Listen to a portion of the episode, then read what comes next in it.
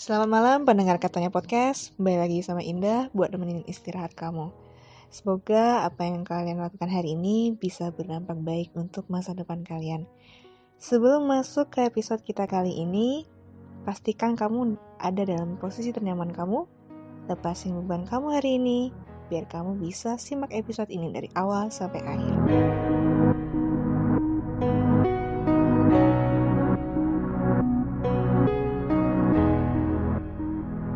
cerita hari ini aku nggak tahu episode apa ini kali ini.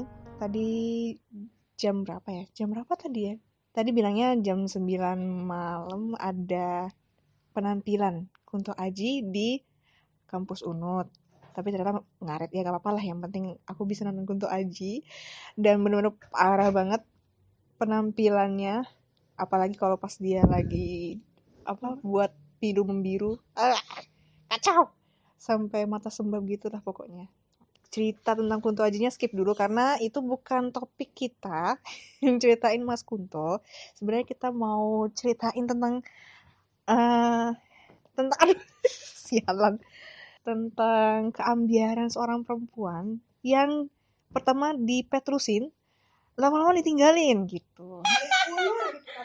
Tarik ulur gitu ceritanya gitu. Sebenarnya bukan bukan teman saya saja yang mengalami, saya juga mengalami hal-hal seperti ini gitu. Aku diselimutin, oke. Okay. Dan kebetulan yang pengen saya wawancara itu ada di sebelah saya, sebelah kiri saya, dan sebelah kanan ini yang jadi si hori-horinya. Oke, okay. uh, eh, sepertinya si Nona yang di sebelah kiri saya sedang buat instastory sebelum mbaknya ngorok jadi kita mau interview ya, interview mau tanya-tanya sedikit lah. Uh, kak Putri silakan. Yeah. silakan masuk. Halo. Halo. Ya ampun kok canggung gini? Ah ya gimana kabarnya kak Put? Baik dong baik ya baik ya. Mm-hmm. terus apa namanya gimana tentang uh, penampilan Kunto Haji tadi Uh, penampilan Kunto Aji tadi menawan karena aku baru pertama kali nonton live mm -hmm. jujur waktu itu kepotong-kepotong mulu nonton dia live kepotong sih kayak iya nggak uh. sempet aja gitu mm. ini baru pertama dan ya lumayan masuk mantranya merasuki batin perasaan hati kepala Pundak, uh, lutut, kaki, lutut, kaki, kepala, lutut, kaki. Terus Gak maksudnya kayak ya tadi kan dia bilang apa yang kalian rasakan lepas aja hmm. gitu. terus pilu pembiru dapat nangis nggak pilu pembiru dapat nangis hmm. karena itu ingat tuh ingat papa oh iya sama sih ingat papa waktu papa tuh tugas pergi jauh dan hmm. uh, something big problem oh, gitu. di hidup aku waktu hmm. tahun 2000 uh, 2018 sih 18 akhir ke 2019 hmm. yang penuh eh 2019 awal lah. Gitu. Oh, kayaknya aku tahu masalahnya itu. Iya, itulah. ya, ah, jadi aku ingat banget sama papa aku yang waktu itu ada di tempat yang jauh hmm. dengan hati yang bergejolak. Aku juga di sini dengan hati yang bergejolak dan banyak sekali hal-hal dan kewajiban yang harus kita selesaikan hmm. gitu. Tapi kita harus lewati gejolak-gejolak gitu. jadi jadi kayak sedih ya. Iya. Gitu. Hmm, gitu. Iya sih emang parah. Sebenarnya kita tidak ingin membahas Kunto Aji sebenarnya. Bukan topik topik awal sebenarnya. Nah kan aku sering mendengar kalau Kak Putri ini Kenapa Kak Putri nah, kenapa? Kak Putri sering MC? Bukan, iya sering MC kan emang memang sering MC. Enggak sih, sekarang udah turun. Oh, jadi apa? Jadi supir Grab? iya bisa juga ya menuhin kebutuhan hari-hari. Iya, kan ya motif halal kan ya. Hmm. Ya, aku sedikit cerita sama Kak Putri nih. Kak Putri ini ada ini adalah senior aku waktu S1. Sebenarnya aku udah kenal Kak Putri ini sebelum masuk Stikom. Aku emang awalnya tidak uh, tidak pernah menyangka bakal oh, iya, oh, iya. Iya. Kok bisa kamu kenal aku di mana? Nah, aku kenal dirimu itu bu bukan kenal sih, tahu dirimu itu waktu jadi MC Fast Techno waktu itu aku ikut lomba puisi. Oh. itu kayaknya yang aku salah sebut juara itu ya? Enggak, enggak, enggak. Enggak ya. Enggak, aku ikut lomba puisi, aku nggak menang gitu loh. oh. Nah, dari situ tahu terus habis itu ternyata waktu masuk stikom eh boleh sih sebut merek gak apa-apa lah ya. Iya, Eh, oh. masuk stikom itu ternyata eh, jadi ini jadi ketua UKM bukan usaha kecil menengah ya tapi unit kegiatan mahasiswa gitu. Terus habis itu eh, setelah beberapa selama kuliah sebenarnya tidak ada deket banget sama Kak Putri. Dia deketnya sama orang lain. Terus habis itu entah kenapa setelah eh, lulus dari Stikom kok malah gila bareng-barengan gitu ya. Halu barengan gitu. Terus makin lama makin eh, siklus siklus kita siklus kita berdua itu kayak mirip gitu loh. Jadi Kak Putri bahagia duluan terus habis itu aku nyusul bahagia. Kalau nggak kebalik kalau nggak ya ambiar bareng gitu ambiar bareng nah aku mau tanya nih sekarang kamu tuh ya eh, dalam kondisi ambiar atau ya biasa-biasa aja gitu Kalau sekarang sih sudah melewati kondisi ambiar, jadi dalam keadaan biasa aja. Jadi kayak ya udahlah gitu, lebih ke ya udah jalanin aja. Kalau emang ini waktunya buat kamu me time, kamu memperbaiki diri, ya emang udah harus aku terima aja. Aku nggak bisa maksain apa-apa, maksain keadaan. Biarkanlah semesta bekerja untukmu. Nah, Terus eh, lo sekarang eh, apa namanya kan eh single berapa tahun kak? Udah, weh, udah single setahun sih. Setahun ya, Masih. masih kuat. Masih lah. Masih kuat. Terus eh, selama itu apa ya? Ada gak ada yang dipeterusin gitu? Gak ada yang meterusin kakak maksudnya? Ya Tuhan, ini lah beturan apa sih? Iya kan aku adminnya. Ada, ada, Ada. pastinya ada. Berapa biji? Berapa biji? Satu, dua, tiga, empat, lima. Lima, Buset banyak banget. lima enam kali ya. Hmm.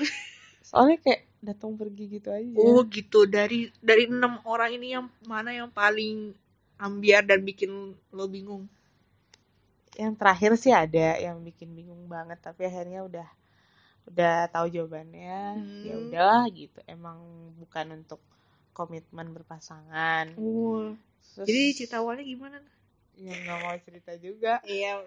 ya pokoknya ya cerita awalnya ya orang-orang yang pernah deket sama aku eh, pastinya selama ini sih selama hidup aku selalu deket sama orang-orang yang nggak jauh-jauh dari circleku emang gitu Hmm. jadi kayak ya aku udah kenal dia eh, nggak nggak nggak nggak nggak nyangka wah ternyata ada rasa atau kayak gimana Oh. ternyata bisa deket kayak Hmm. gitu. Antara gimana ya lingkungan kerjaku juga banyak banget cowok gitu. Jadi kadang-kadang kayak ih kamu nggak pengen punya pacar? Oh password wifi. Ya Tuhan tak kirain WhatsApp dari siapa Iya, aku kira itu apa namanya ada nanya apa, apa tuh DM Iya, siapa DM gitu. siapa nih nanya kaput gitu kan Emang ya, sebelah kananku ini emang nga- mengacau nih. Sampai Mantap. mana tadi? Sampai, sampai mana? eh, sampai ya circle ya ternyata ada pos melon ya circle terus habis itu kayak ya ternyata ada rasa ternyata ungkapin perasaan gitu tapi ternyata nggak buat nggak buat ini ya apa namanya nggak buat ber, berhubungan. Maksudnya kayak uh, menjalin hubungan gitu lebih mungkin aku nggak ngerti juga aku masih belajar banyak tentang hubungan di usia 23, 24, 25 yang sudah bisa dikategorikan dewasa.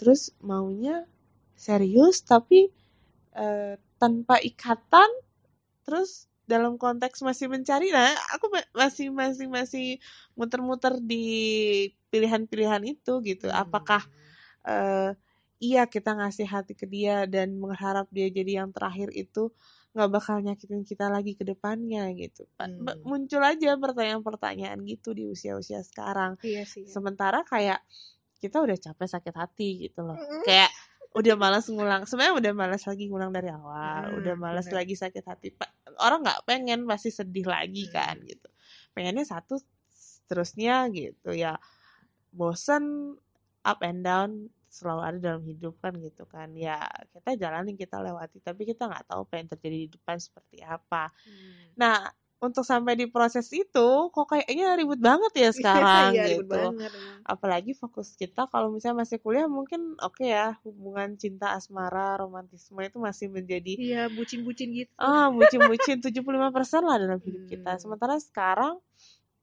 ketika udah masuk dunia kerja, terus kita sudah punya penghasilan sendiri, aku sendiri terutama eh, perasaanku ngerasa kalau ada ada porsi-porsinya sendiri antara antara mikirin perasaan, cinta, sakit hati, pekerjaan atau target hidup kita. Hmm. Nah, target hidup kita itu yang menyangkut kebahagiaan diri kita sendiri. Nah, dari Hmm. bahagia itu ya pasti ngaruh ke kerjaan dan lain-lain juga gitu. Nah, jadi kayak setahun ini aku single, maksudnya tanpa pasangan gitu ya, Hmm. tanpa ikatan sama siapa-siapa. Ak- ya ngerasa masih baik-baik aja sih, masih hidup juga sampai Iya. sekarang ya. Mungkin di awal-awal waktu habis putus kayak ngerasa kosong aja karena Hmm. udah nggak ada yang diajak curhat atau nggak ada yang diajak kayak eh capek banget nih hari ini sumpah gitu Hmm. teleponan yuk atau apa gitu nggak temenin makan dong atau apa gitu udah nggak ada terus udah nggak ada yang bilang selamat pagi kayak gitu Oh, kan. Iya ya walaupun benar-benar. itu udah ya itu sebuah kewajiban ya Iya, ya kan gitu. kita saling menyapa ya namanya kita sama-sama merasa saling memiliki gitu. Ya kita menyambut hari itu dengan bahagia. Ya sekarang nggak ada gitu. Tapi ya udah aku masih bisa bilang selamat pagi ke orang lain sama satpam kantor Sama kantor. Iya. kan dia masih eh pagi bu gitu Iya, kan pagi, eh pagi Bu. pak Hmm. gitu mari saya masuk duluan sama ibu-ibu CS sama teman-teman di kantor Hmm. masih fun bawanya gitu karena memang setelah putus kemarin setelah berakhir kisah cinta yang lumayan panjang sih waktu itu terakhir Wih. empat tahun Oh, udah kayak cicilan. udah kayak Eh, cicilan tapi kalau empat tahun kayak ini ya Motor masa lunas. bukan ma- masa S1 masa S1 iya emang udah sama-sama nemenin sarjana waktu itu. Cuman Hmm. ya udahlah nggak apa-apa hilang dia. Saya juga masih bisa apa ya berjalan sendiri. Masih Iya bisa sih. ngelakuin apa-apa sendiri. Walaupun awalnya pasti berat banget rasanya iya sih awal kita hidup pun juga sendiri Mm, sebenarnya. iya kan sendiri kan. Heeh. ya aku sih menarik kesimpulan eh, aku harus perbaiki diri, diri dulu Hmm, mungkin.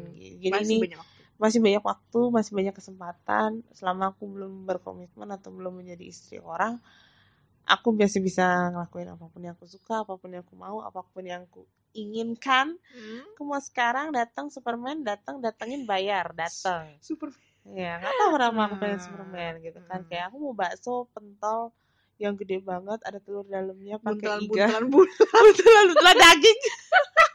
Yang syadu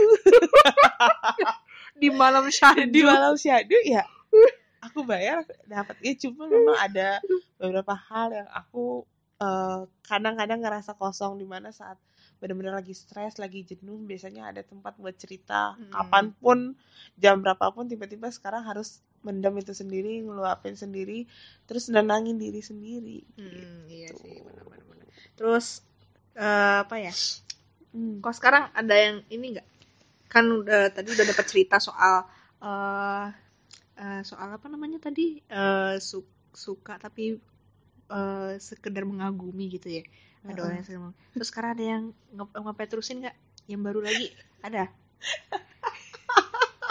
Kayaknya sih ada ya dari ketawanya sih udah ada. Udah dari tadi. Sebenarnya ketemu Kak Putri ini bukan baru dari jam 7 tadi, tapi udah dari pagi dari pagi. Terus Oh, jadi udah ada berita gitu. udah ada berita.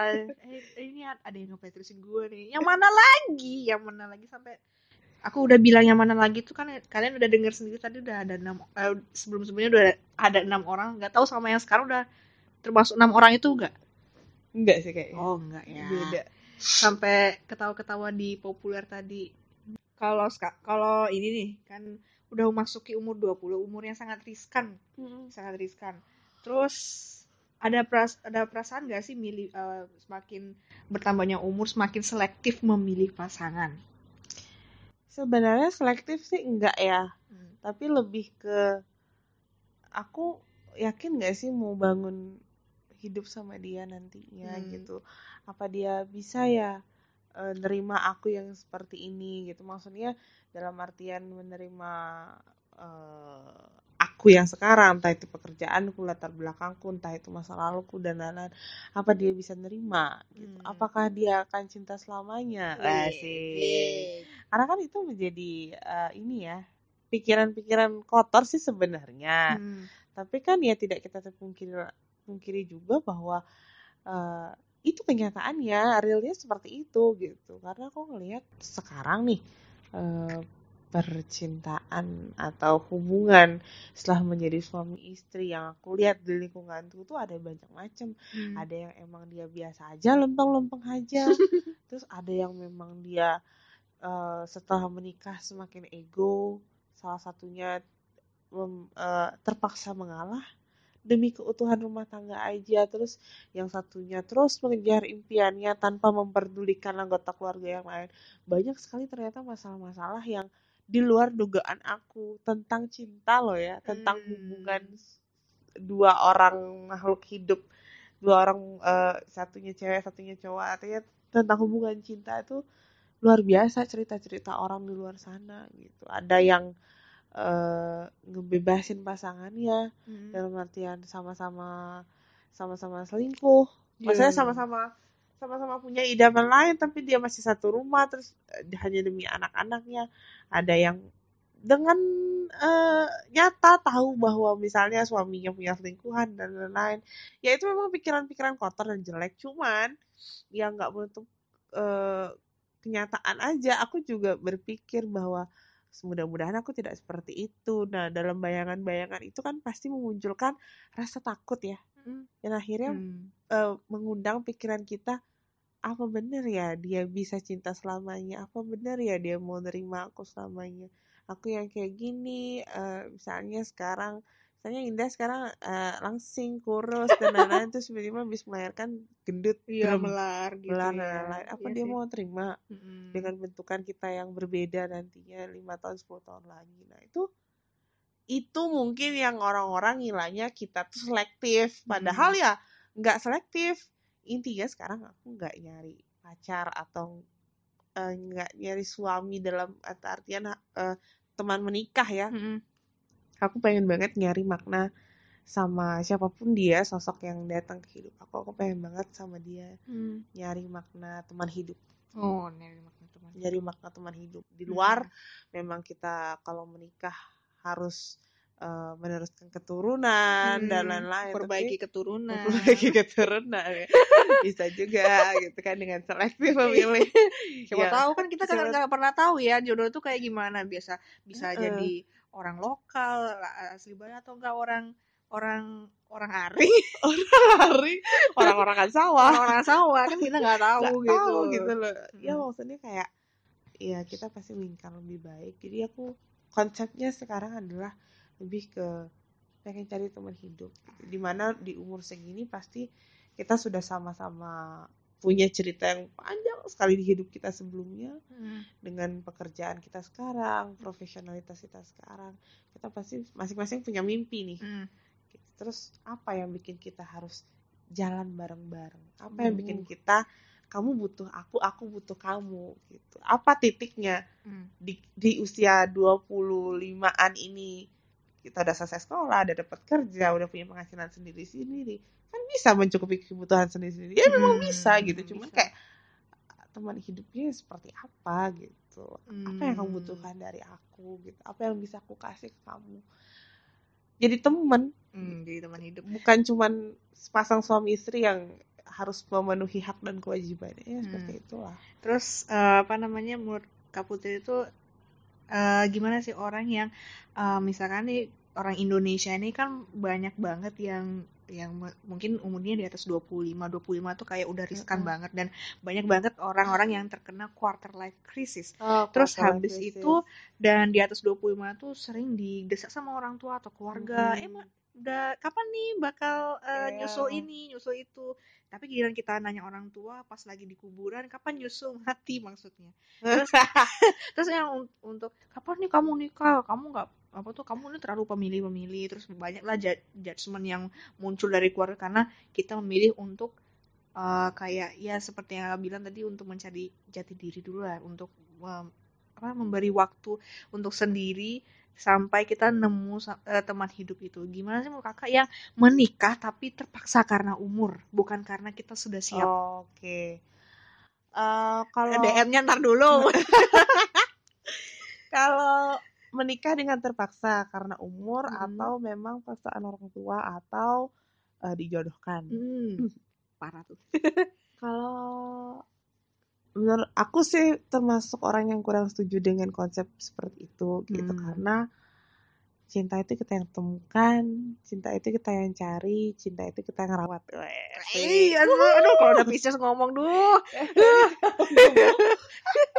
Ya, artinya cinta itu kita dapat tumbuh rawat kan gitu kan. Kita Nah, kalau misalnya eh, ada di situasi quarter life crisis, dia harus menerima kenyataan dijodohkan sama orang tua, misalnya untuk memenuhi kebutuhan keluarga, tanda kutip ya, keluarga entah itu finansialnya dia, tanggung jawab mungkin dia udah kehilangan ayah, misalnya Hmm. sosok ayah di rumahnya udah nggak ada. Jadi dia harus cepet-cepet buat cari pendamping atau suami supaya Hmm. bisa menggantikan sosok itu. Ya itu tergantung yang me- yang menjalaninya siap nggak sama Hmm. hal itu percaya nggak bahwa cinta itu bisa tumbuh kapan aja walaupun nih dalam keadaan cuman kenal seminggu terus langsung nikah kita kan nggak tahu Eh, dia buset, seperti iya. apa ya kan Kayak inget siapa gitu. Iya kan ada kan orang yang Ada, ada, dijodohin ada, kayak gitu kan Ada, ada. nah tapi kita nggak tahu bahwa cinta itu bisa tumbuh kapan aja Hmm. gitu ya dengan dia sudah menikah berarti dia sudah menyisipkan sebuah doa akan jenjang baru yang dia akan eh, jalankan Hmm. artinya sebuah pernikahan menurut aku ya Hmm. ketika dia menyisipkan sebuah doa terlantur sebuah doa ya aku mikirnya mereka pasti sama-sama punya harapan walaupun mereka belum saling cinta Hmm. jadi dalam proses perjalanan rumah tangga mereka dan mereka menjadi pasangan suami istri, mereka pasti harusnya bisa saling berusaha melengkapi gitu. Tapi buat beberapa orang yang kebetulan memberontak akan Mm. hal itu, ya udah kalau kamu berontak, jangan sampai kamu berontaknya setelah pernikahan sudah digelar. Hmm. Ya kalau emang mau lari dari kenyataan ya lari aja. Lari dong. Ya maksudnya Lari ya aja. ya pergi gitu jangan jangan setujui di awal hanya karena alasan ingin membahagiakan orang tua nah Hmm. itu kadang-kadang menjebak Iya, ya nggak sih menjebak, menjebak membahagiakan orang tua tapi ujung-ujungnya juga menyakiti. Hmm. karena kamu tidak bahagia dan menyakiti orang-orang di sekitar kamu jadi kayak efeknya bukan cuma ke kamu tapi ke suami kamu keluarga suami kamu keluarga kamu juga orang tua apalagi yang kena dalam kasus Iya sih sebenarnya. pernikahan terpaksa Ah, aku pernah dengar kalau istilah pernikahan itu kamu tidak hanya menikahi, misalkan kalau kita dalam posisi perempuan tuh kamu tidak hanya menikahi la- laki-laki kamu, tapi kamu menikahi keluarga kamu gitu. Terus tipenya nih, tipe tipe Oh, teman hidupnya Kak Putri itu kayak gimana sih? tipe teman hidupku Ah, teman tipe teman hidupku jago goyang. nggak itu tipe ini instruktur gymku yang mirip-mirip yang mirip-mirip Anthony, Ginting kali kalau disebut gak apa-apa sih nggak apa-apa lah ya, nggak apa-apa. Atau juga nggak kayaknya eh, ke- kayaknya eh, persentase ke podcast aku didengar Anthony Ginting tuh nggak ada. Terus tipenya gimana? DM-nya ntar dulu ah. DM-nya ntar dulu. Iya, iya. Apa ya? Tinggi Tipenya tinggi. Gak tau ya aku suka co- ngeliat cowok pakai kacamata Ah, ay, yang yang yang belum berkacamata silakan berkacamata. Tadi dulu kacamatanya kacamata hitam apa kacamata mata bening? Apa kacamata kuda? kacamata yang kanan nih nyaut nih. Kayak mau apa namanya percikan tahu. api gitu Iya. nyala. Kacamata kuda. kacamata ya apa aja sih Gak sih, aku gak, gak terlalu punya banyak kriteria yang harus putih klimis tinggi ya. Ah, tapi usahakan Tapi lebih harus- dari aku. Tapi harus mirip Dito lah, berat. Oh. Gak juga, jadi kayak yang penting dia sayang sama aku, Hmm. terus sayang sama aku tuh penting banget Hmm. karena ya mau nggak mau. Gimana ya? Bakal hidup sama dia terus kan? Namanya Hmm, juga jadi bener. teman hidup gitu. Sayang sama aku terus yang penting bisa diajak ngobrol aja deh bisa Hmm. diajak sharing gitu. Ah, nggak harus menuntut dia seorang pegawai atau wirausaha atau apa pun gitu. Yang penting dia baik dia punya visi dalam hidupnya gitu. Hmm, gitu. dia punya eh, rencana ke depan seperti apa gitu. Aku kurang suka cowok yang melempem gitu. Karena eh, aku sadar bahwa Pisces ya Eh, Pisces. Pisces merapat tolong. seorang Pisces itu selalu memainkan nalurinya Hmm. Jadi kalau aku ketemu cowok yang melempem, ya naluriku bakal semakin down kalau aku lagi galau terus ngikutin naluriku. Kalau aku ketemu cowok yang punya visi, cowok yang tegas mungkin atau cowok yang ya ya goals lah gitu. Ya aku harap dengan eh, ketika si Pisces lagi down, lagi mengikuti nalurinya, dia bisa nge-up aku lagi gitu. Hmm, Dan aku gitu. berharap pun eh, dia menerima si Pisces dengan eh, apa ya kesempurnaan kesempurnaan dramanya lah Ya karena Pisces itu banyak drama sebenarnya. banyak drama dia terlalu terlalu mengikuti kata hati gitu Hmm. tapi semoga nggak bosan-bosan dikasih hati sama si Pisces Iya. Pisces itu istimewa sama seperti Sagittarius. lo aja jawab-jawab Aku yang membanggakan diriku. itu Terus, temen kita nggak jadi temen tidur di sebelah iya dia sudah ngantuk ternyata. udah ngantuk Sudah ngantuk. Si Libra udah ngantuk. Dia di samping kanannya Libra pin oke zodiaknya. Terus pengennya yang laki-laki eh oh, laki-laki yang apa namanya? Yang selalu sayang sama aku. Mungkin di pernikahan kan, kan karena kita udah menetapkan pernikahan itu ya seumur hidup kita sama bakal sama dia. Nah, Mm-mm. eh, menurut kakak kalau misalkan nih eh, di tengah jalan itu pasti ada namanya rasa bosan. Jangankan sama kayak suami istri itu ada mengalami kebosanan, pacaran aja pun ada yang namanya kebosanan. Nah, itu tuh kalau menurut Kak Putri gimana sih eh, buat yang apa tuh ya kayak bosan itu gimana sih solusinya gitu? Aku belum mengalami rumah tangga jujur. Di waktu pacaran itu waktu pacaran. waktu bosan itu apa sih waktu yang bosen. Kalau dulu dulu sih kalau ngerasa bosen ya ya kita nggak kita nggak nggak nggak nggak ngilang satu sama lain itu nggak gitu. Cuman kayak eh, kita pasti punya hobi masing-masing ya Hmm. gitu. Aku juga berusaha buat nerima hobinya dia dia juga berusaha buat nerima hobiku misalnya. Hmm. Jadi ya udah kalau ngerasa bosen coba kita lakuin me time atau kalau keseringan ketemu misalnya kayak kita sibukin diri diri kita masing-masing kayak eh, ya mungkin kita skip aja deh minggu ini aku mau pergi ya sama teman gitu misalnya Hmm. malam mingguan gitu misalnya. Ya pasti ada rasa kecewa lah ih ngapain sih udah seminggu nunggu hari Sabtu kan gitu kan. Terus pergi sama teman-temannya lagi gitu. Pasti kita kayak ngerecokin dia ya cewek-cewek kan biasa kayak gitu kan. Hmm. Cuman ya pasti minggu depannya akan ada rindu yang datang dua kali lipat gitu Iya. dan tentunya juga eh, perlakuan kita ke dia kan juga lebih ya lebih romantis mungkin atau lebih ke "A- aku kangen sama kamu nih gitu ayo buat me time buat kita berdua bareng gitu jadi kayak- lebih intim lebih intim Oh ya lebih, lebih intim gitu. maksudnya kayak eh, mungkin makannya jadi lama gitu yang Hmm. awalnya makan bakso cuma 15 menit ya bisa habis kan sekarang jadi setengah jam karena aduh aku udah lama banget ngeliat kamu gitu. aku udah pengen bakso ini gitu ya udah kan bakso di depan kamu makan aja ya maksudnya pastilah bakal muncul eh, banyak cerita Hmm. gitu. jadi bikin kangen gitu Ini intinya kayak apa namanya nyari pasangan itu yang bisa diajak cerita ya. Ah, biar- yang bisa diajak cerita karena Mm-mm. aku emang seneng cerita juga Seneng cerita. seneng gibah sih. Sedang gibahnya sama siapa? sama kamu lah sama si Ratu Halu Sama Ratu Halu, iya benar-benar. Terus ini nih eh, soal karir. karir Karir. Hmm. Hmm, kalau sekarang kan ini lagi udah berapa tahun kerja di kampus sendiri? Kalau kerja di kampus sendiri udah dari udah dari kerja praktek coy udah dari 2016 2016, 4 tahun empat berarti. tahun dong berarti ya 4 tahun berarti ya. kalau jadi pegawainya dari tahun 2017 akhir Hmm, gitu. Terus eh cita-cita dari kecil apa? cita-cita dari kecil apa ya dulu Apa ya? ternak lele?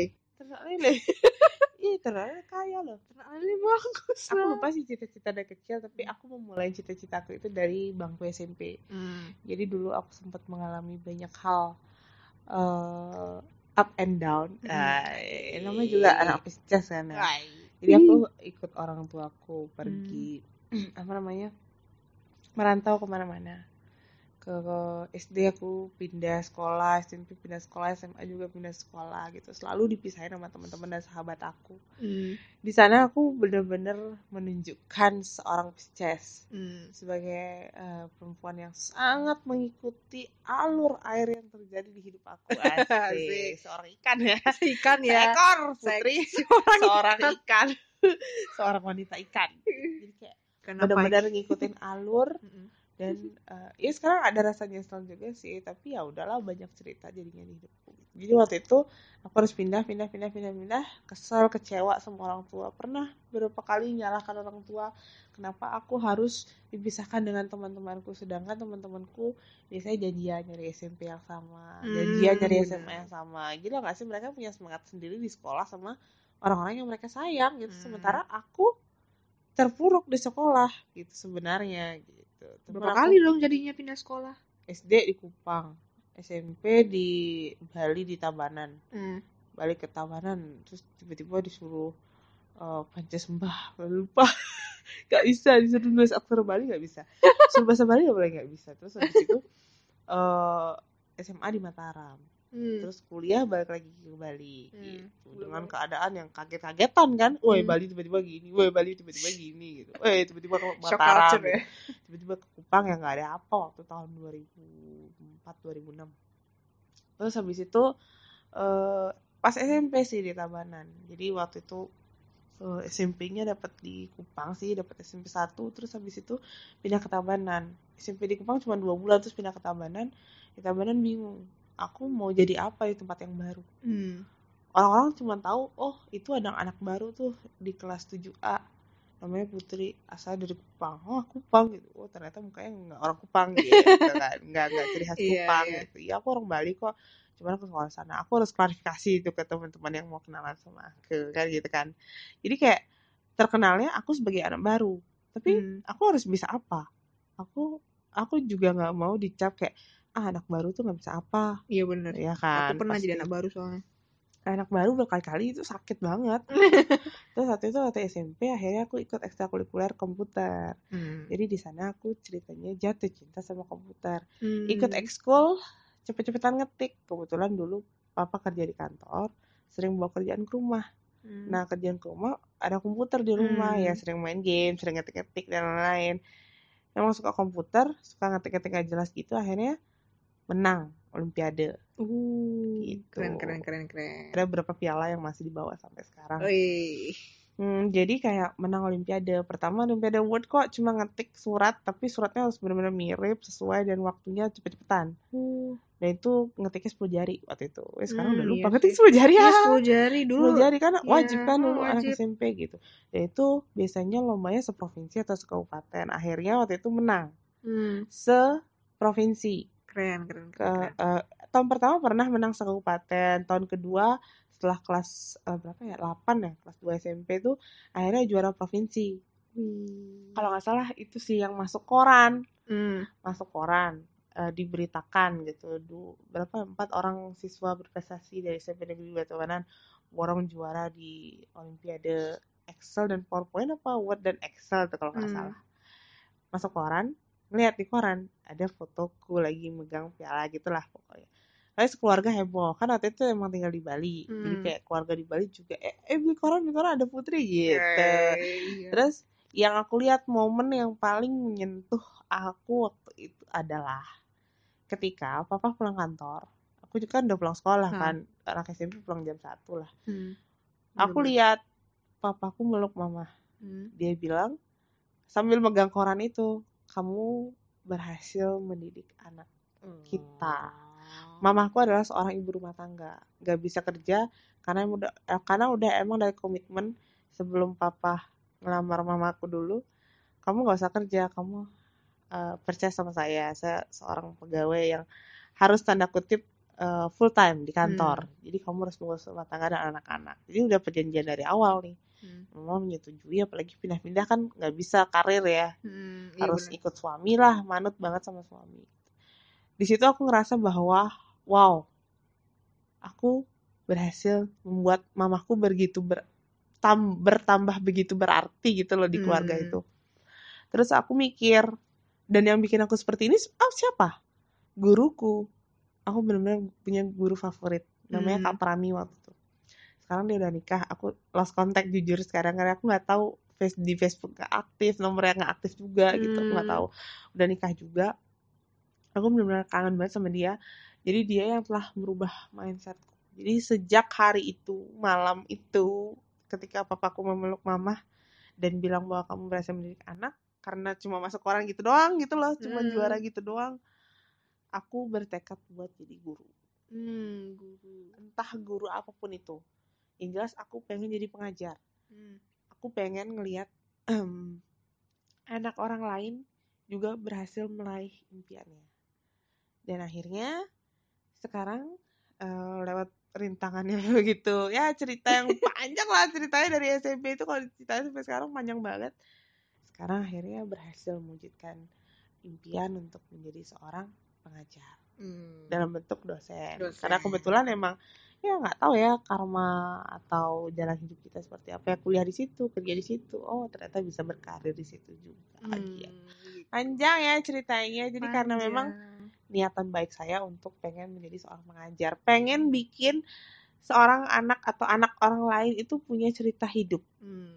jadi kayak kamu sekolah gempa ya enggak ya? Ya. Ampun Kak Nyoman. Sumpah ya aku udah ini ini podcast kalau ada gempa nih nggak lucu. Jadi kayak jadi kayak pengen gak sih anak itu cerita hidup? Walaupun anak itu eh, anak orang lain dan orang haring orang aring orang-orang sawah. Dan sampai sekarang aku bermimpi sih gimana ya rasanya kalau aku punya anak.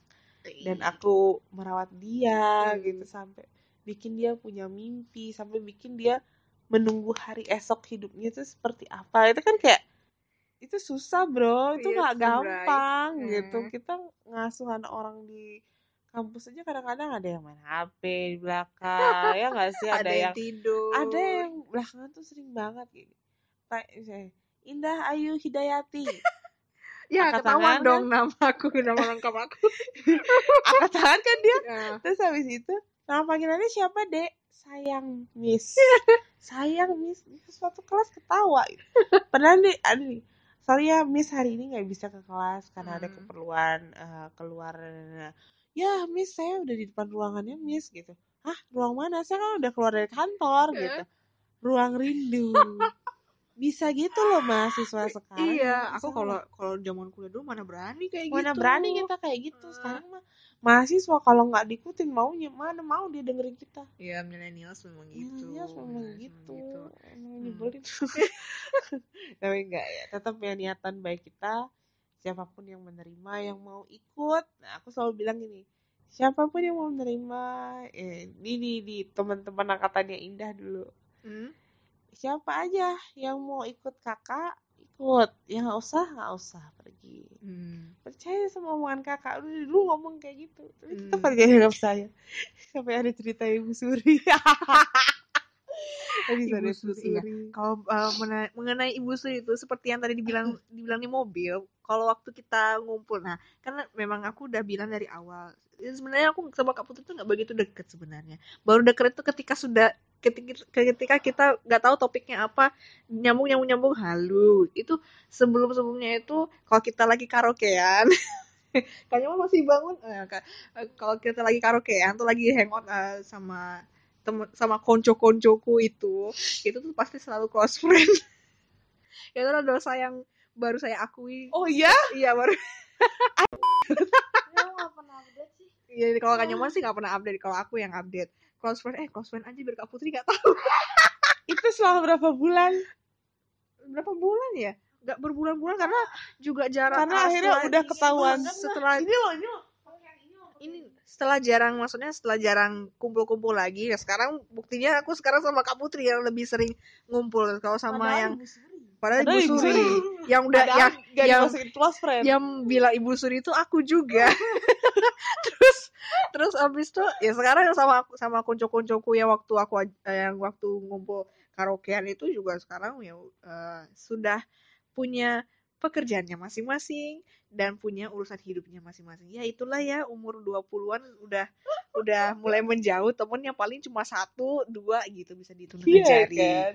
begitu terus nah tadi kan aku dengar kalau eh, se- komitmen sebelum menikah eh, belu- sebelum menikah papa eh, mamanya kakak itu kan eh, papa eh, bapaknya kakak bilang tenang aja urus aja eh, kamu gak usah kerja urus aja nanti anak-anak kita di rumah gitu Heeh. itu tuh ya mungkin kalau dilihat dari apa tuh dari pekerjaan bapaknya kakak tuh ya memang mapan tapi kalau sekarang nih ke di zamannya sekarang Hmm. Nah, apa tuh kalau eh, dibawa ke zaman sekarang tuh masih cocok nggak sih kak kalau eh, ya yang apa ya tuh yang kayak cewek gitu. di rumah aja. yang cewek di rumah aja gitu, Manut gitu. manut gitu, masih cocok nggak sih dibawa sampai zaman sekarang? Karena kan zaman dulu sama zaman sekarang kan prinsip beda, beda ya. gitu ya. Semakin bertambahnya zaman itu, Betul. semakin berubahnya zaman tuh yang zamannya sekarang tuh makin aneh gitu Iya, aja. iya, iya. Udah berubah gitu. Itu cocok nggak sih di dibawa zaman sekarang? Kalau menurut aku cocok atau enggaknya balik lagi ke pasangan itu sendiri. Hmm. Gimana dia bisa mengkomunikasikan antara kebutuhan dan kewajiban. Ya dia seorang istri butuh apa di rumah, ya sang suami karena sudah menyanggupi menikahi dia dan eh, akan menemani dia seumur hidupnya, ya pastinya harus memenuhi kewajiban-kewajiban itu, memberikan hak si istri kan gitu kan dengan segala kebutuhannya. Nah, tapi kita balik lagi, ya nggak setiap saat kebutuhan kita, kebutuhan rumah tangga yang mungkin sebagian orang dihandle sama sang istri kan gitu kan yang di Hmm. rumah itu pas lagi nggak ada duit gimana ya gitu Iya, ya bener. kan gitu. Nah, itu balik lagi ke komunikasi dan komitmen di awal gimana memegang teguh bahwa semua ini kita laksanakan berdua walaupun tidak kamu dan aku cuci piring bersama ya kan? Tidak aku dan kamu bersama memasak setiap pagi. Tapi kan bersama dalam artian kamu dengan kewajibanmu aku dengan tugasku sebagai seorang istri misalnya gitu. balik lagi ke komunikasi bagaimana caranya kita mengkomunikasikan dan lain-lain. Sekarang juga jadi jadi cewek kan yang memang dituntut untuk bisa mandiri menurut aku aku nggak tahu siapa suamiku Hmm. eh, ke depannya. Tapi kalau seandainya aku juga sama mendapat pilihan seperti mamaku yang Hmm. punya su- eh, punya suami full time di kantor Hmm. dan yang memang harus ngurus rumah tangga dan eh, anak semua dilimpahkan ke istri gitu bahkan cari pembantu juga jarang-jarang karena ya tangan tangan keluarga lebih bagus ya daripada Hmm. tangan orang lain kan gitu kan. Aku bakal mau Kalau Iya, ya kenapa enggak? Ya kalau misalnya kebutuhan eh, keuangan atau finance sudah tercukupi sama sang suami, ya udah aku bisa memaksimalkan hal lain yang harus aku maksimalkan. Namanya juga kita bagi tugas kan gitu kan. Hmm.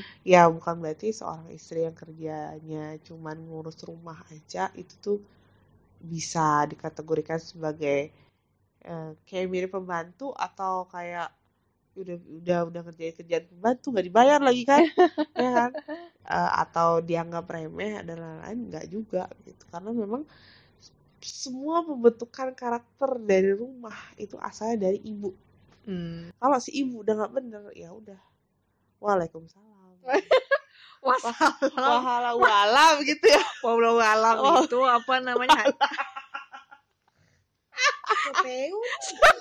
Sotewe. ya nggak tegang lo ngomongin suami istri aja belum juga dapet suami. Sotewe walau alam. Itu Wah, hanya Allah, hanya Allah yang tahu. Oh, Kalau gitu. Waalaikumsalam. Itu jawaban assalamualaikum. wassalam, wassalam, ya wassalam. gitu. ya ya ya wassalam kan gitu kan. Dia mati gitu. Ya jadinya kayak eh, sekarang kan pekerjaan tuh bukan cuma kerja kantoran yang buat cewek-cewek gitu. Aku juga eh, punya target gitu atau punya beberapa impian yang aku harus menghabiskan masa mudaku sebelum menikah tuh dengan eh, full memenuhi keinginan-keinginanku gitu Hmm. karena supaya nggak nyesel setelah nikah Iya benar. kayak nonton konser Hmm, gitu ya benar, iya. yang dulunya aku anak kalem gitu kan gitu Masa ya. kalem ya? Sekarang liar Enggak gitu?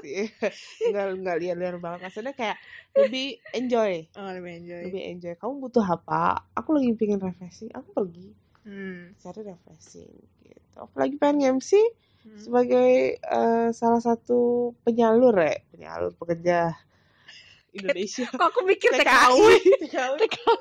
penyalur pekerja Indonesia nggak maksudnya penyalur eh, passion Hmm. sekaligus refreshing juga ketemu orang Hmm. terus ya jalan-jalan lah aku anggap itu bukan satu pekerjaan yang membebani Ker- gitu. kerja sambil jalan-jalan gitu Kerja sambil ya. jalan-jalan itu mengasihkan gitu Hmm. bekerja dengan passion kamu itu mengasihkan Iya, passion aku jadi tersen- passion. tersindir passion karena pekerjaanku belum passionku sebenarnya. Nah, tapi ada yang perlu kita syukuri kalau misalnya pekerjaanku belum passionku, tapi kamu sudah bisa memenuhi eh, kebutuhan kamu, Hmm. gitu ya. Tuhan menghadirkan banyak cara untuk memberikan kita kesempatan menikmati pekerjaan kita, gitu. Hmm. Entah itu pekerjaan utama atau pekerjaan sampingannya yang nikmat kan gitu kan. Entah pekerjaan eh, sampingannya yang nggak enak, pekerjaan utamanya emang nikmat, tapi karena kebutuhan ya mau gimana lagi harus nerima keadaan juga gitu ya kita nggak bisa ego ah I'm still commerce, I'm passionate Iklan, iklan, iklan iklan. Iklan, iklan. itu salah satu tagline yang sempat aku buat kemarin gitu. Jadi kayak kita nggak bisa ego kita nggak bisa bilang bahwa eh aku kan fashionnya di bidang desain. Hmm. aku harus kerja di desain desainer grafis lah eh, apa namanya eh, U, U, UX user. User experience eh, apalah analis kayak Hmm. gitu atau digital marketers dan lain-lain. Ya nggak mesti kayak gitu Hmm. gitu aku percaya banget bahwa Tuhan memberikan kita sebuah keadaan itu untuk mengajarkan kita sebuah momen gitu. Artinya apa yang terjadi ya begitulah rezekimu yang harus kamu terima gitu. Nggak selamanya rezeki itu dari passion kita karena kita seneng. Hmm. walaupun dalam keadaan yang kita nggak senang kita susah ada masalah kita hadapi ya kita nggak tahu setelah kita hadapi itu oh ternyata kebuka pintu rezekinya. Hmm, benar. daripada kita menghindar. Hmm. sama kayak MC aku sering banget ditanya ya "Hmm, kamu MC paling rendah dibayar berapa? Dibayar makasih. Iya. dibayar Pernah, 2 m. Makasih ima sama ya kan Iya benar-benar ih pernah. emang pernah, kayak pernah. gitu gitu dibayar dua puluh lima ribu pernah. Dibayar pakai nasi kotak aja nasi pernah. kotak paling sering nasi syukur kotak. dikotakin gak nasi bungkus iya nggak syukur dikotakin Iya dikotakin. pulang bawa kresek Hmm. kalau nasi bungkus diselipin di tas Ya maksudnya nasi bungkus itu eh, ada yang misalkan ada lauk yang minyak gitu ya kan terus kan bolong gitu loh kak. uh, bolong loh udah MC capek Oh. cantik cantik pakai bulu mata bawa nasi bungkus bolong minyakan lagi Eh tapi sih sebenarnya kalau kita dapat itu sih sebenarnya nggak apa-apa. Nggak Cuma apa-apa ya, sih, ya mas- cuman ya ya gimana ya? nah itu dia Eh, dibayar segitu pun pernah gitu. Hmm. terus dibayar paling mahal berapa ya juta-juta juga pernah sesuai kondisi dan juga rezeki kan gitu kan Hmm. Nah, tapi untuk pemula, please jangan nyanyain kesempatan. Hmm. Yang namanya opportunity itu ternyata emang penting bagi kelangsungan karir atau goals kamu menurut aku ya. Karena gini, kalau nggak dari awal aku mau dibayar pakai nasi bungkus atau nasi kotak, nggak ada yang tahu aku aku tuh seorang MC atau aku tuh siapa. Karena aku terima dulu cuma dibayar nasi kotak, dibayar kue kotak, gitu. dibayar 2 M Dibayar kasih masa E masa ma eh, Masa masa ma. E Eh, sama aku mau Hmm. gitu ya kita nggak tahu kalau ternyata di acara itu ada orang besoknya membutuhkan kita ada orang besoknya yang bilang eh ternyata dia tuh MC ya bagus ya eh ternyata besoknya mereka butuh kita Hmm. mereka bayar jadi kayak rezeki nggak datang pas kamu kerja hari itu aja. Tapi ada banyak sekali hal beruntun yang bisa kamu dapetin untuk meraih sebuah rezeki untuk mencukupi hidup kamu. Dan aku yakin Tuhan itu nggak nggak nggak nggak nggak segitu jahatnya kok buat memotong rezeki kita buat membatasi rezeki kita di satu tempat. Karena memang kita sebagai manusia kita lah yang harus berusaha. Hmm. kalau kurang di tempat kerjamu ya kamu harus kerja ekstra Hmm. Itu ya simpel gitu. Iya, benar. Aku ngomong kayak gini karena memang aku sedang tidak ini ya, apa namanya, tidak menanggung hidup siapa-siapa ya. Gitu. Aku nggak tahu nanti ya. Hmm. Ya maksudnya di usia yang ke-24 tahun, 23 kemarin sampai 24, aku bener-bener banyak sekali nyoba hal baru. Hmm. 23 tahun hidup di dunia ini, aku baru pertama kali kemah.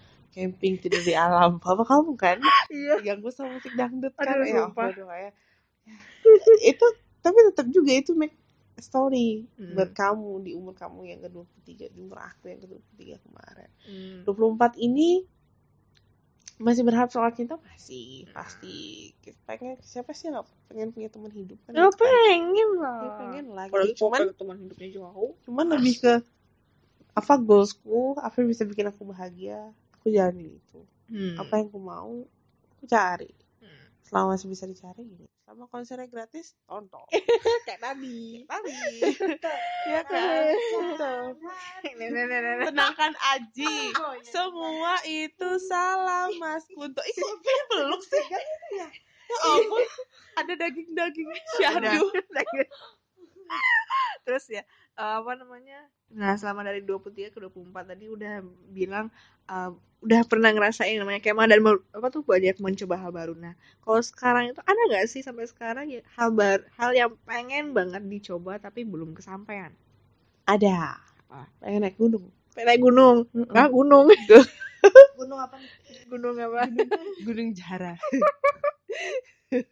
pengen naik gunung. Pengen naik gunung. naik gunung. Kapan-kapan diajakin dah. tahun diajakin dong aku udah rajin olahraga loh Oh, sekarang kalau olah- olahraga kalau udah worry. Kak Putri ini rajin olahraga sih kayaknya sih nggak begitu kaget lah badannya Enggak. untuk untuk eh, mendaki kalau badan aku hati mah udah biasa tersakit Kalau- enggak enggak enggak kalau aku, kalau aku mah ya karena jarang olahraga malah hampir nggak pernah olahraga kecuali naik tangga naik turun tangga di kantor itu baru Heeh. badan badan sakit semua. Terus em, kan eh, ya banyak sih yang bertanya eh, target nikah lo umur berapa sih? Kayak um- kayak obrolan aku sama ibu aku kamu target um- eh, umur nikah berapa? Aku langsung menjawab 30 emang gak ketuaan? Nah kalau Kak Putri memang kita tidak pernah tahu ya jodoh itu pa- pas kita umur berapa. Nah Mm-mm. pernah nggak sih membayangkan target umur nikah itu umur berapa kalau aku pengen ya maksudnya target ya. Mm-mm. target itu 27 tahun kan 27 iya banyak yang 27 sih. Eh, gitu. Karena kalau misalnya sekarang 24 tabungan masih kepake buat ngunesin sekolah kemarin. Oh. terus habis itu ya tabungan kemarin habis buat galau. Galau-galau kayak jelas. Ya tapi ya buat nge-recover ini perasaan kan penting ya Mm, gitu. bener, kadang kayak apa sih yang kamu cari di dunia ini gitu. Nggak Mm. kenapa kamu harus kerja aja kerjaannya dari pagi sampai malam? Kan kadang-kadang kayak gitu kita mikir gitu. Kenapa nggak nyenengin diri kamu sel-sel tubuh kamu juga ikut Hmm. bahagia. Pori-pori kamu. Pori-pori kamu kebuka kan tidak muncul kan nada-nada hitam. Jadi kayak eh, lebih ke enjoy aja lah gitu. aku sempet bilang sama mama papa eh, please sampai umur 24 aku pengen banget menikmati hidupku dulu. Karena kemarin bener-bener nggak ada jeda dari S1 ke S2 Mm-mm, bener. Nggak ada jeda. Belum belum wisuda udah semester 1 Iya iya di iya manajemen Mm. jadi aku bilang sama papa papa mah please jangan nanya kapan bisa nyicil rumah kapan bisa nyicil nyicil yang lain aku cuman pengen nikmatin waktuku dulu yang aku eh, hilang yang Hmm. aku jadiin waktu buat ini apa Ngebucin. namanya yang ngebucin lah ya kuliah lah waktu itu weekend kan ya aku nggak tahu ini salah atau bener di pandangan orang lain mungkin ada yang berpandangan bahwa ya masih muda kan emang harus kerja keras dan lain-lain cuman ya aku yakin orang masing-masing orang punya alasannya sendiri dan tidak semua orang bisa sekuat itu gitu untuk menjalani hari-harinya. Tetap semua ada porsi-porsinya. Kalau misalnya tubuh kamu sudah memanggil, Putri cukup tidur, olahraganya cukup tidur. Putri jangan pulang malam-malam nonton, kasihan pilek besok meren. Ya pulang gitu. Gitu Oke. jadi tetap pada porsinya Hmm. Terus eh, ini ya terakhir sebelum kita ngantuk nih kak. oh, Ini ya. jam berapa? Ini jam berapa sih nih? jam, Jam jam satu Setengah dua. Setengah dua, anjir. Setengah dua malam. Terus nih, ini um, sepertiga malam nggak ya harusnya sepertiga malam buat ngedoain yang baru kemarin ulang tahun Eh, baru keluar. siapa itu itu. Jangan disebut namanya. Nanti aku dibilang halu sama netizen. Cukup aku dibilang halu sama Kak Putri. nah, ini buat eh, kan karena kita sama-sama umur 20 aku sih 20 masih 23 tapi emang tahunnya kita, lahir kita sama 96 nih pesan buat teman-teman yang mas apa tuh yang apa namanya yang belum ngerasain quarter life crisis. Harusnya sih quarter life crisis itu umur 25 tapi kayak udah ngerasa masuk quarter life crisis udah masuk umur 20 dan kayak galau dan nggak tahu arah jelas hidupnya Mm-mm. ke mana Ad- apa sih pesan yang mau disampaikan atau tips mungkin buat teman-teman di luar sana Mm-mm. Aku sempat nyeriap tadi. Jadi kalau mungkin sedikit tips dari aku, eh nikmati momen-momen dalam hidup kamu karena itu nggak bisa keulang lagi pertama. Terus kedua, jangan PHP-in orang eh, jangan PHP-in orang ya sama-sama berbuat baik lah. Kalau memang kamu mau dibahagiakan, aku mampu membahagiakan kamu. Nah, kita sama aja gimana kita sama-sama bahagia gimana gitu terus habis itu kayak eh, enjoy aja sama diri kamu sama pencapaian kamu karena pencapaian masing-masing orang itu beda-beda kamu nggak usah lari maraton untuk bisa dapetin medali yang sama sama Hmm. orang lain gitu karena eh, percaya nggak percaya kadang-kadang eh, apa yang kita dapetin di dunia ini tuh cuman menunggu waktu aja. Ya duluan belakangan. Ya kamu tahun ini gagal sama jodoh dia udah nikah ya ta- tahun depannya kamu nikah. Ya duluan belakangan aja. Dia Semua- jangan nikah dulu ya. Semua dianya aku maksudnya. Semua pasti bakal ngalamin hal yang mirip-mirip lah. Masalah-masalah hidup masalah punya anak kok belum punya anak kok belum nikah dan lain semua pasti bakal ngalamin fase itu gitu jadi Mm. kayak ya udah enjoy aja selama kamu masih punya waktu buat senyum buat ketawa buat Buat, aji buat bisa bikin apa ya buat bisa menuhin kebutuhan-kebutuhan kamu udah kamu nikmatin aja dulu sebelum kamu bahagiain orang lain ingat Hmm. dirimu sendiri juga harus bahagia Nah, iya betul. Aduh, Eh, iya bener bener bener. Atmosfer kebahagiaan itu yang muncul dari dalam diri kita. Dalam diri kita dari mananya? Dari pikiran. Hmm. semua itu kita yang nolak. Eh nolak. Ngolah udah ngantuk nih, udah ngantuk. nih. Karena apa? Ada hal yang buruk kalau itu mengganggu hari-hari kita bahkan merusak hari kita yang sebenarnya. Kita Iya. harapkan sebelumnya. Gue sautin lagi. udah dihempas aja. Mungkin prosesnya be panjang sekali sampai aku harus uh, aku mulai membiasakan diri dengan ya udahlah urusan kantor selesai sampai pintu gerbang kantor sampai aku rumah aku tidur Hmm. HP pura-pura mati dan ya ada kalanya seperti itu Hmm, gitu. ada kalanya memang kita harus loyal dan lain-lain itu ya sampai sekarang aku juga masih banyak belajar masih mencari jodoh Iya. ya kebahagiaan bisa didapat dari mana aja tapi yang paling yang paling penting adalah kebahagiaan itu kamu yang ciptakan Aduh, dalamnya. Gitu aja. Lah, iya Eh, semangat terus jangan lupa eh, nonton konser Jangan lupa nonton konser. Sebenarnya kayaknya impiannya Kak Putri yang belum kesampaian sampai sekarang selain mendaki gunung itu adalah traveling ke luar negeri. traveling ke luar negeri nggak Hmm. juga sih Traveling ke luar negeri gak? Takut corona Oh, corona. Kan Mm, kan tujuannya ke Thailand. Emang Thailand ada corona? Ada. ada Ya. tapi ya bahagiaku tuh sederhana banget. Hmm, apa rumah makan Padang? Wah. kalau makan padang nggak bisa karena udah nggak makan kaki empat. Oh, iya kalau makan rendang udah nggak enak. Masa ayam direndangin? Ayam rendang. Gimana Ih, ceritanya? Ih, mama ayam aku. bumbu rendang. Ayam mama, ayam mamaku, ayam mama. kalau mamaku ayam rendang. Ih, ibu aku itu masak rendang kadang pakai ayam loh kalau nggak bisa beli daging sapi. ya kan ala kadarnya. Mm, cuman Bahagia sederhana. oh, oh, bahagia sederhana kalau aku bahagia sederhana aku adalah kalau aku lagi mumet tuh atau kayak tahun lalu tuh sering banget hampir tiap minggu aku suka banget makan bakso Hmm, seperti Bola layaknya layaknya seorang ikan Hmm? Pisces Hmm? aku seneng banget lihat air aku seneng banget tempat dingin jadi aku seneng banget pergi ke danau Hmm. kalau di Bali itu di Brugul Hmm. aku sering banget kadang sendiri ke sana Hmm. cuma nikmatin bakso yang hangat tipatnya yang sudah terkontaminasi sama udara dingin jadi Hmm. tipatnya dingin Hmm. tapi dipisah Jadi, lep lep tipat yang dingin terus makan kuah bakso yang hangat Tapi enak banget enak banget. Enak banget ya. enak banget sama Tapi, Nah, tapi lo cerita ini nggak lagi lapar kan? lapar sih sebenarnya Pantesan ya. tiba-tiba balik lagi terus Pengen bakso. bakso terus habis itu dikasih es teh Mm-mm. terus habis itu udah di depan tuh ada danau lepas gitu aja Hmm. jadi itu bener-bener healing healing apa namanya Mental healing.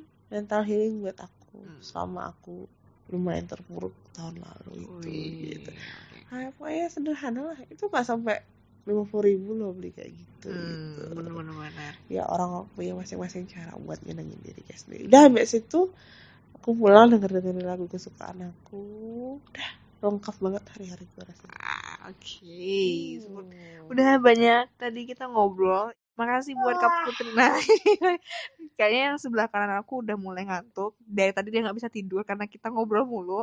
Nah, jadi thank you buat Kak Putri yang udah mau diajak collab. Ya mudah-mudahan suatu hari nanti bisa jadi apa tuh dua penyiar ya.